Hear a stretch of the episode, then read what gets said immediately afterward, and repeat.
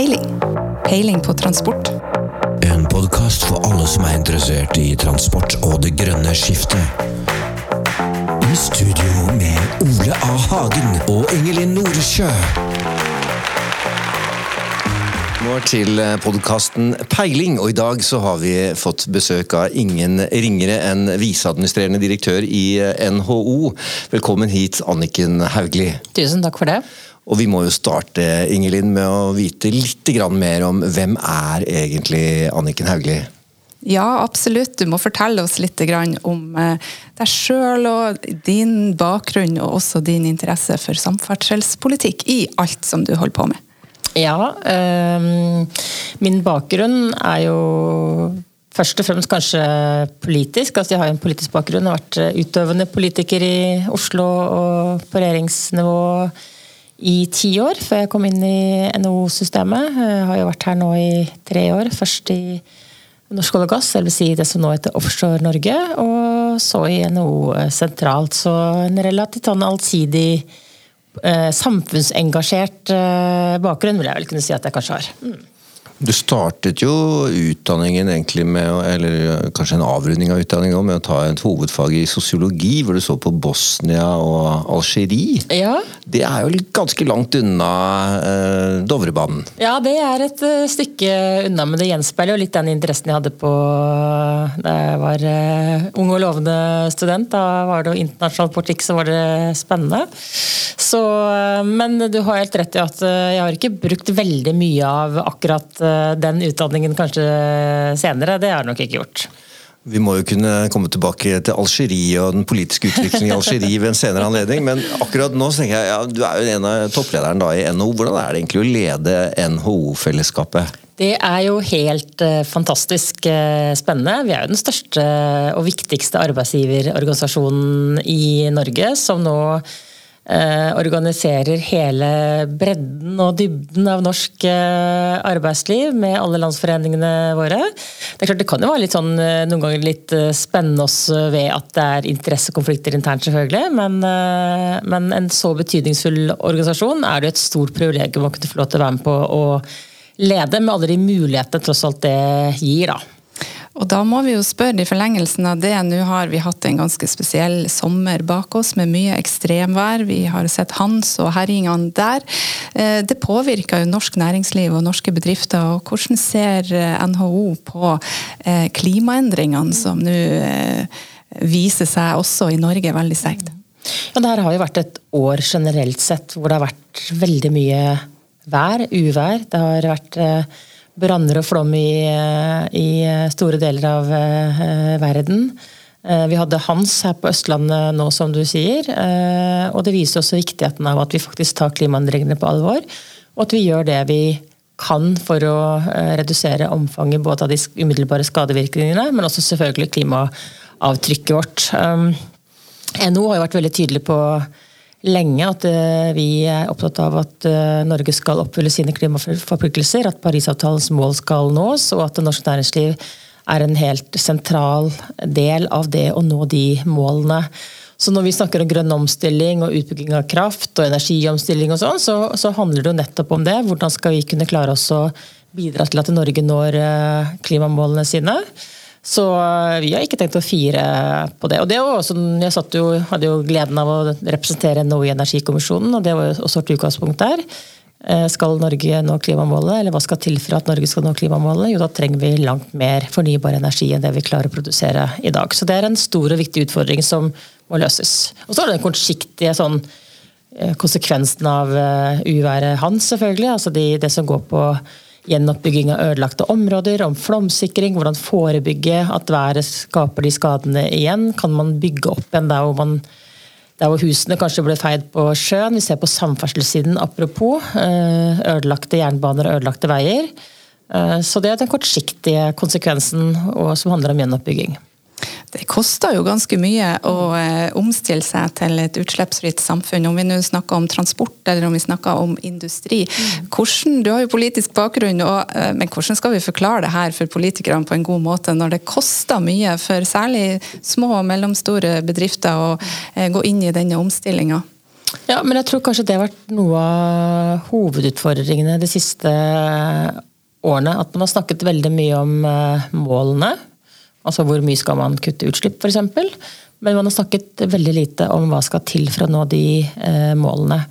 Det er jo her kanskje vi ser et behov for um, en overgang mellom veldig klare klimapolitiske mål, hvor man sier at ja, vi har 50 ja, vi har 55 vi har 70 og så er man krangler om å være flinkest til å sette høye mål. Men vi opplever jo medlemsbedrifter som uh, har lyst til å omstille seg, og, og ser at uh, de kan ikke ta 100% av regninga, så myndighetene må jo hjelpe til eh, med spleiselag på en eller annen form for å få til eh, denne overgangen. Mm. Og innen, innen, transport, da, hvor man f.eks. har en lastebil i sju år, da, så kan man ikke ha rammebetingelser som svinger fra et år til et annet. Kan du si litt om hvordan NHO jobber med, med myndighetene for å sikre at vi, at vi, skal få til dette i fellesskap? For det er jo, det er viktig for næringslivet at man er med å, å kutte utslipp. Ja, men altså, sånn, Generelt sett så er jo vi opptatt av at bedrifter skal klare seg selv, og at ikke vi skal løpe til staten og få subsidier hele tiden. Det er på en måte et viktig prinsipp. Eh, men samtidig så er det en del av den omstillingen kan ikke bedriftene ta alene. Hvis man tar innenfor transportsektoren f.eks., da er det flere ting. Det ene er jo selvfølgelig tilgangen på nok kraft og energi. Eh, skal man elektrifisere bilparken f.eks., eller lastebilparken, ja, så må man jo også ha tilgang på nok eh, kraft. Man må ha ladeinfrastruktur, man må ha steder hvor man kan, eh, hvor man kan lade lastebilene. Det har vært noe av det vi har diskutert mye i forbindelse med Grønt landtransportprogram også. ikke sant?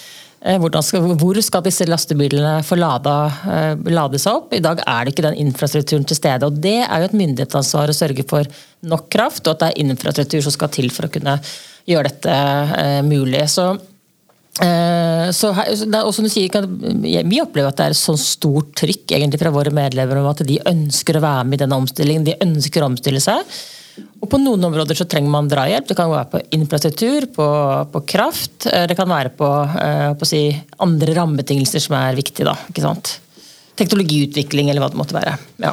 Hvorfor er det så viktig å få ned utslippene fra transport? Det er fordi at Transportsektoren er jo en av de store utslippsprodusentene da, eh, i dag. Det er det ingen tvil om. Og så har man jo gjort mye de siste årene med at man nå har ja, nå er vel praktisk start alle, Hele ny, nybilsalget er vel eh, start elbiler. Men det gjenstår jo ganske mye fortsatt på, på større kjøretøy på langtransporten. Så, så um, transportsektoren er jo en av de store sektorene nå som, hvor det er store utslipp, og hvor potensialet for kutt er stort, da, egentlig. Eh, og det, ikke, det, er ikke så vanskelig å få til kutt heller, man må bare få på plass mye av den infrastrukturen som skal til. Og tror du vi kan eksportere noe av den kunnskapen vi har om elektrifisering av personbilparken, og også etter hvert eh, tunge biler? Det kan bli en, eh, en ny næring i Norge? Ja, altså jeg tror de fleste nordmenn som har prøvd seg på bilferie utenfor Norges grenser, går med kronisk ladeangst, for å si det sånn. Jeg skulle til Göteborg her for et par uker siden. Jeg måtte laste ned tre apper for å få lada bilen min i løpet av de 24 timene. Så det er ja, absolutt. Jeg tror Norge har ganske mye å eksportere der, faktisk. På teknologi og, og ja, kunnskap.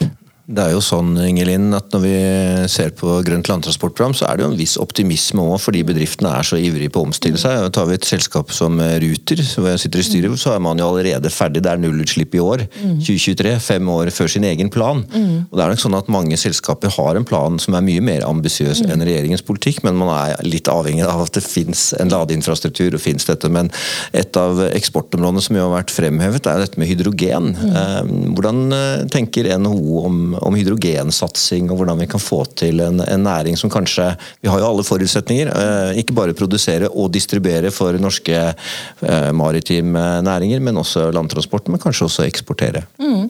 Ja, nå har jo også NHO nesten akkurat, ikke mange ukene siden, lagt fram en eh, egen hydrogenstrategi. Vi ser at det er et stort potensial der. Eh, innenfor transportsektoren, åpenbart. Eh, som eksport til eh, Europa, åpenbart. Vi snakker jo mye med Tyskland, ikke minst, om å eksportere hydrogen dit. Vårt utgangspunkt er jo at det kanskje først og fremst er hydrogen fra naturgass som er det mest aktuelle for Norge. Både fordi vi har gassen og fordi det er mindre kraftkrevende på et vis. Men, men, men mulighetene er jo helt enorme, og hydrogen er jo også et av de områdene som ikke påvirkes like mye nødvendigvis av den amerikanske Inflation Reduction Act. Så det er også på en næring som vi kanskje også har en bedre mulighet sånn rent handelspolitisk å også utvikle. Uh, Anniken, du er jo vokst opp i kan vi si, Stor-Oslo. Du har vært byråd i Oslo, du har vært uh, i regjering i Oslo, du er uh, i NHO i Oslo. Du er vel en leder likevel for hele landet. Er det ikke sånn at det er et kjempepotensial som vi ofte snakker om, Ingelin, utafor Oslo-gryta eller utafor kanskje Sør-Norge, for å skape verdier og få til ordentlige bedrifter innen også hydrogen? Absolutt. Og når det gjelder på hydrogen, så vil man kanskje si at det er vel ikke akkurat i Oslo hvor hydrogenproduksjonen kommer til å være størst. Det er vel vel si at det er vel eh, Kystfylkene har vel et langt større potensial, og de såkalte verdiskapingsfylkene Vestlandet og nordover, som, hvor den klassiske industrien og, og, de nye næringene kommer til å kanskje vokse aller aller mest. Da. Eh, det sies at vi alltid levde havet, det skal gjøre framover. Og havet er definitivt ikke spesielt stort i Oslo-gryta, det ligger helt andre steder, for å si det sånn. Og der kom jo stikkordet, Ole, hele landet. Og jeg er jo fremdeles dette distriktsalibiet i denne podkasten. Eh, men det er jo viktig at vi også snakker om resten av landet. Fordi at eh, transporttettheten er størst i og rundt Oslo østlandsområdet, men så har vi jo selskap som skal levere alt fra eh, matvarer til medisiner og, og post mm. til eh, den ytterste nøgne ø rundt omkring i landet. Og Senest her for noen dager siden så hørte jeg Asko si at eh, ja, i og rundt Oslo så kan vi elektrifisere det mm. meste. Men når vi kommer til Tromsø, så er det biogass som er det viktigste for oss. Og de ønsker gjerne å kjøre på biogass fra Tromsø til Kirkenes. Det er noen mil der imellom. Og da trenger vi også den energiformen. Ja, men Det er jo helt riktig. Altså, noen steder har jo bedre utgangspunkt for eh, elektrifisering eh, enn andre steder. Men uansett så vil jo Norge er jo avhengig av god infrastruktur. Da, ikke sant? Hva er det man sier? At det er ingen som har så dårlig tid som en død laks. Altså det, det å ta fremkommelighet på veier og god tilgjengelighet er ekstremt viktig i et langstrakt land som uh, Norge. Så, og, uh, og dette, er et, dette, er et, politikkområde som er ekstremt viktig for NO, fordi det er ekstremt viktig for våre medlemmer, og vi er jo, eh, vi er jo plassert over hele landet. Et annet område som er viktig for NHO, hvis vi snakker litt om samferdselspolitikken, det er vel kanskje hva slags type løsninger vi kan se for oss. Og Da tenker jeg på at vi bruker over 80 milliarder i året på infrastruktur i Norge. Men vi har altså en samferdselsminister som sier at det er trangere økonomiske rammer og en ny situasjon, og vi må få mer igjen for pengene. Og Da ligger det nesten en gavepakke tenker vi til NHO for å mm. sikre at ja, men hvis vi skal ha mer igjen for pengene, da må vi ha bedre konkurranse, kanskje anbudsutsetting, mer private aktører som kan være med. Hvordan eh, jobber dere? Det er ikke bare samferdsel dette gjelder, det gjelder mange bransjer. At det er en utfordring akkurat nå å få til eh, løsninger med private aktører. Ja. Og det var jo på å si Den valgkampen vi akkurat har tatt bak oss nå, så var jo også å si, verdien av privat eierskap og et bedre offentlig-privat samarbeid var jo en av våre hovedsaker. Nettopp fordi vi vet jo at våre medlemmer, altså private bedrifter, har enormt mye å bidra med i å løse oppgaven. Det handler om selvfølgelig innovasjon, teknologiutvikling, man tenker litt annerledes eh, enn det man gjør i det offentlige. Ikke at vi nødvendigvis alltid er bedre enn det offentlige, men at vi mener jo at vi tross alt har en rolle å spille, og at vi kan utløse innovasjonskraften i privat sektor, så vil også offentlig sektor kunne løse sine oppgaver bedre innenfor velferdssektoren, men også innenfor mer teknisk sektor, da, om det er samferdsel, om det er ja, andre type uh, politikkområder. Så, og, og innenfor samferdsel er det åpenbart mulig å bruke pengene eh, bedre. Vi så etablering av Nye Veier var jo en veldig stor suksess. De jobbet litt annerledes eh, og, fikk, og sparte også ganske mye penger. Løste oppgaven billigere eh, enn det det har vært gjort tidligere. Så, så, mm, så, hvis, så hvis, på en måte beskjeden fra samferdselsministeren og regjeringen er at man skal få mer for mindre, så er jo definitivt privat sektor et sted å finne de løsningene, fordi vi har vist før at vi klarer å gjøre det godt tenkte Et annet stikker her var jo valget. Det har jo vært et valg, og I de største byene så ser det ut til å bli et, eh, et skifte. Eh, hva betyr det? Du har jo byrådserfaring. Eh, de fire-fem største byene våre kommer til å få en annen politisk retning nå. Hva vil det bety for, for samferdselspolitikken i byene? Ja, Det er jo kanskje tidlig å si, da, men det forhandles jo fortsatt i flere av de store byene også. Men, men jeg har jo stor tro på at både altså at altså næringspolitikken kanskje vil gå litt mer i vår favør enn det det har vært eh, en del steder fram til nå. Så, men det blir spennende å se. og Vi kommer jo til å jobbe mye med samferdselspolitikk, arealpolitikk. næringspolitikk overfor de nye by bystyrene og kommunestyrene framover.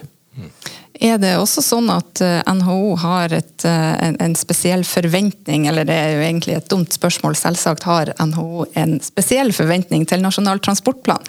Sånn jeg får ordlegge det. Og eh, det skal legges fram en ny Nasjonal transportplan neste vår, et år før de tidligere regjeringene har gjort det. Og NHO har lansert sitt eget samferdselsløfte. Hva er de viktigste prioriteringene for NHO inn mot neste NTP? Ja, altså Samferdselsløftet er jo fått vårt viktigste innspill til Nasjonal transportplan og sier noe om hvilken retning som NHO eh, mener at samferdselspolitikken skal eh, ta. og Vi er opptatt av de store de store samferdselsårene. ikke sant? Altså de, de, store veiene og transportårene som får både folk og varer eh, fram. By- og, by og arbeidsmarkedsregionen er viktig for oss. Så, så og, og, så tror vi også at eh, et viktig område framover nå kommer jo til å være med digitalisering. ikke sant? Det, det handler også om at dette er en sektor som har store muligheter også ved, gjennom teknologi og digitalisering, som vi mener at også Nasjonal transportplan bør eh, ta inn over seg. da. Og Anniken, du la jo fram under eh, Arendalsuka dette med Mobilitet 2040, mm. hvor NHO har eh, tatt et initiativ for å se nettopp på teknologi og digitale løsninger. Er det sånn at eh, det finnes et betydelig verdiskapingspotensial i norske bedrifter, så man kan både løse mobilitetsbehovet for framtida, hvor det blir flere folk og mer urban befolkning, og at man klarer å skape flere arbeidsplasser òg? Ja, ja, ja. Og, du også bare tenk deg de mulighetene der innenfor digitalisering og teknologiutvikling innenfor samferdsel. Alt fra selvkjørende biler og busser. Og det er et kjempepotensial eh, som, som kan frigjøre mye ressurser, og som skal, som skal skape nye jobber også. I eh, en av debattene under Arendalsuka så sa Trond Helleland at eh, promillegrensen må heves. og Med det mente han at man innen akkurat samferdselssektoren så burde man investere mer i forskning og utvikling. for man, eh, I den eksisterende transportplanen så ligger det opp til 1200 milliarder i investeringer. og Det er snakk om en 100 millioner cirka i FoU inn til Forskningsrådet. så Er det, er det noe NHO jobber med, det her å få sikret tilstrekkelig samsvar mellom, ja, altså, mellom innovasjon, forskning og, og, og mm. implementering? Ja, ja, Vi er jo generelt sett veldig opptatt av at at eh, FoU-budsjettene eller forskning og utdanning, innovasjonsbudsjettene skal eh, økes. Vi var ikke spesielt fornøyde i inneværende års budsjett, da næringsrettet forskning ble jo kutta ganske betydelig. Vi er litt bekymra nå for at den digitaliseringspotten som ble lansert her forrige uke, at den finansieres ved hjelp av næringsrettet forskning og innovasjonsmidler. Vi får se litt, men, men, eh, men er det noe vi kommer til å trenge betydelig mer av, så er det nettopp forskningsmidler. Også fordi at skal vi løse de store utfordringene framover, så vil man trenge mer forskning og innovasjon. Skal man eh, klare å løse de store demografiske utfordringene framover, altså vi må gjøre mer ved hjelp av mindre mennesker, så må man også ha mer forskning og innovasjon. Så det kommer til å være et av våre hovedinnspill også til statsbudsjettet. Du, Anniken, det er veldig hyggelig å snakke med deg, men vi må jo også eh, prøve å eh, lirke ut av deg om du har noen dårlige transportopplevelser. Fordi jeg tror alle i løpet av livet får en eller annen opplevelse. Eh, enten når man sitter på bussen eller man er på ferie, noe skjer, transporten funker ikke. Anniken, hva er din dårligste transportopplevelse? Altså, jeg, jeg, har egentlig ikke så veldig mange dårlige transportopplevelser. Altså, jeg har vært velsigna fri for det. Altså, jeg, jeg, har opplevd at jeg kjørte ut med golfbil en gang, men jeg tror ikke det regnes som transportopplevelse. Ha fire hjul, da. ja, ja, det gikk jo skikkelig gærent. Det gikk jo bra til slutt, da, men det var, det var, en, ja, det var endte opp med fem operasjoner og sykemelding. Men, men uh, ellers på veiene så har jeg faktisk vært velsigna fri for egne opplevde hendelser, altså. Mm. Det høres veldig bra ut, og måtte det fortsette sånn? Aldri forsinket med tog eller fly eller Jo, forsinkelser og ja, altså jeg har hatt det sånn forsinkelser og sittet i sånn syklon med fly og liksom men, men, liksom Ja, men ikke noe sånne Det, det er, mer, det er mer sånn plunder og heft. Det har man jo hatt, da. Vel... Jeg er vokst opp på Østfoldbanen, så forsinkelser har det vært ganske mye opp gjennom årene. ja, Vi har fått en Follobane som også har hatt noen utfordringer i, i startfasen, selv om den kosta nærmere 30 milliarder. Ja, ja, ja, det kan man jo trygt si. Men eh, du har jo vært inne på det allerede. Du kjører jo elbil, gjør du ikke det? Selvfølgelig. Mm -hmm. um, har du noen favorittartist som uh, driver med samferdsel? Favorittartist? Ja! Eller skrive en sang om samferdsel, kanskje. Kanskje skrive en sang. Ja, Hvis man skal ha en favorittlåt da, som handler om samferdsel, så må det jo være 'Life Is A Highway' eller noe sånt. antageligvis. Den har jeg faktisk lyttet til mens vi kjørte ned Route 66 fra Vegas til LA, så det var en ganske bra opplevelse. Oi, oi, oi. Det var bra, det. Highway to hell tror jeg ikke er noe for deg. Nei! Nei, nei, nei, nei, det holder vi oss unna. Ja. Ja, men uh, når det, du snakker om syklon, det var jo en syklon i Sør-Korea. Har du vært på lange reiser? og hatt, Hva er ditt beste ferieminne hvor du egentlig har reist? Uh, Kanskje et litt lengre stykke enn bare til Hamar? Ja, altså vi har jo reist ganske, vi er ganske en reiseglad familie. da. I sommer så var vi i Japan, det var jo helt fantastisk. Det kan anbefales. Eh, utrolig spennende. Eh, for eh, mange mange år siden så var vi på tur til eh, Tibet og Bhutan. Var helt fantastisk. Veldig annerledes. og Kan også for så vidt anbefales. Så Er du glad i å klatre i fjellene? Ah, ikke klatre. Det er ikke, jeg blir jo veldig lett høydesyk, da. det er min utfordring. Så jeg blir fryktelig dårlig når jeg går i høye fjell. Eh, Men eh, ellers så trives jeg veldig godt på hytta på Gausdal. Jeg vet ikke hva det Ja, det er innafor. Det er innafor. Det er. Og der har vi fått- og der har vi fått ny vei òg, vet du. Det er også utrolig deilig. Nei, men det, det er en annen sak. Som leder får du egentlig tid til å trene? Eller, altså, har du et sosialt liv, eller er det jobbing eh, døgnet rundt? Er det 24-7? Ja, det er jo ganske mye jobbing, men jeg bor jo ikke så langt unna jobben. da. Eh, Jeg bor jo 20 minutter med bussen, nei, med T-banen herfra. Men eh, ja, jeg prøver å faktisk både trene litt, og ikke så mye som jeg burde, selvfølgelig. men eh, prioritere å dra på hytta. Jeg er ganske god på å prioritere det, men det er klart det blir jo Men som alle andre. det- Døgnet har jo de timene det har. Vi skal snart gå inn for landing, men uh, du har gjort så mye spennende. Du har vært på Forsvarets høgskole. Er det noe du kan røpe liksom derfra? Er det, er det et bra, er det en av de beste topplederkursene vi har i Norge?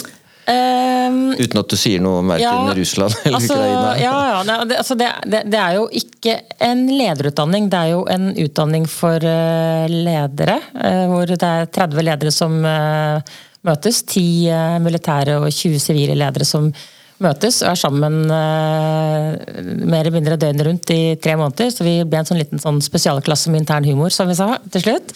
Men det er jo et fantastisk nettverk, og man lærer utrolig mye av hverandre. Om, og hensikten er jo at du skal jo lære om beredskap.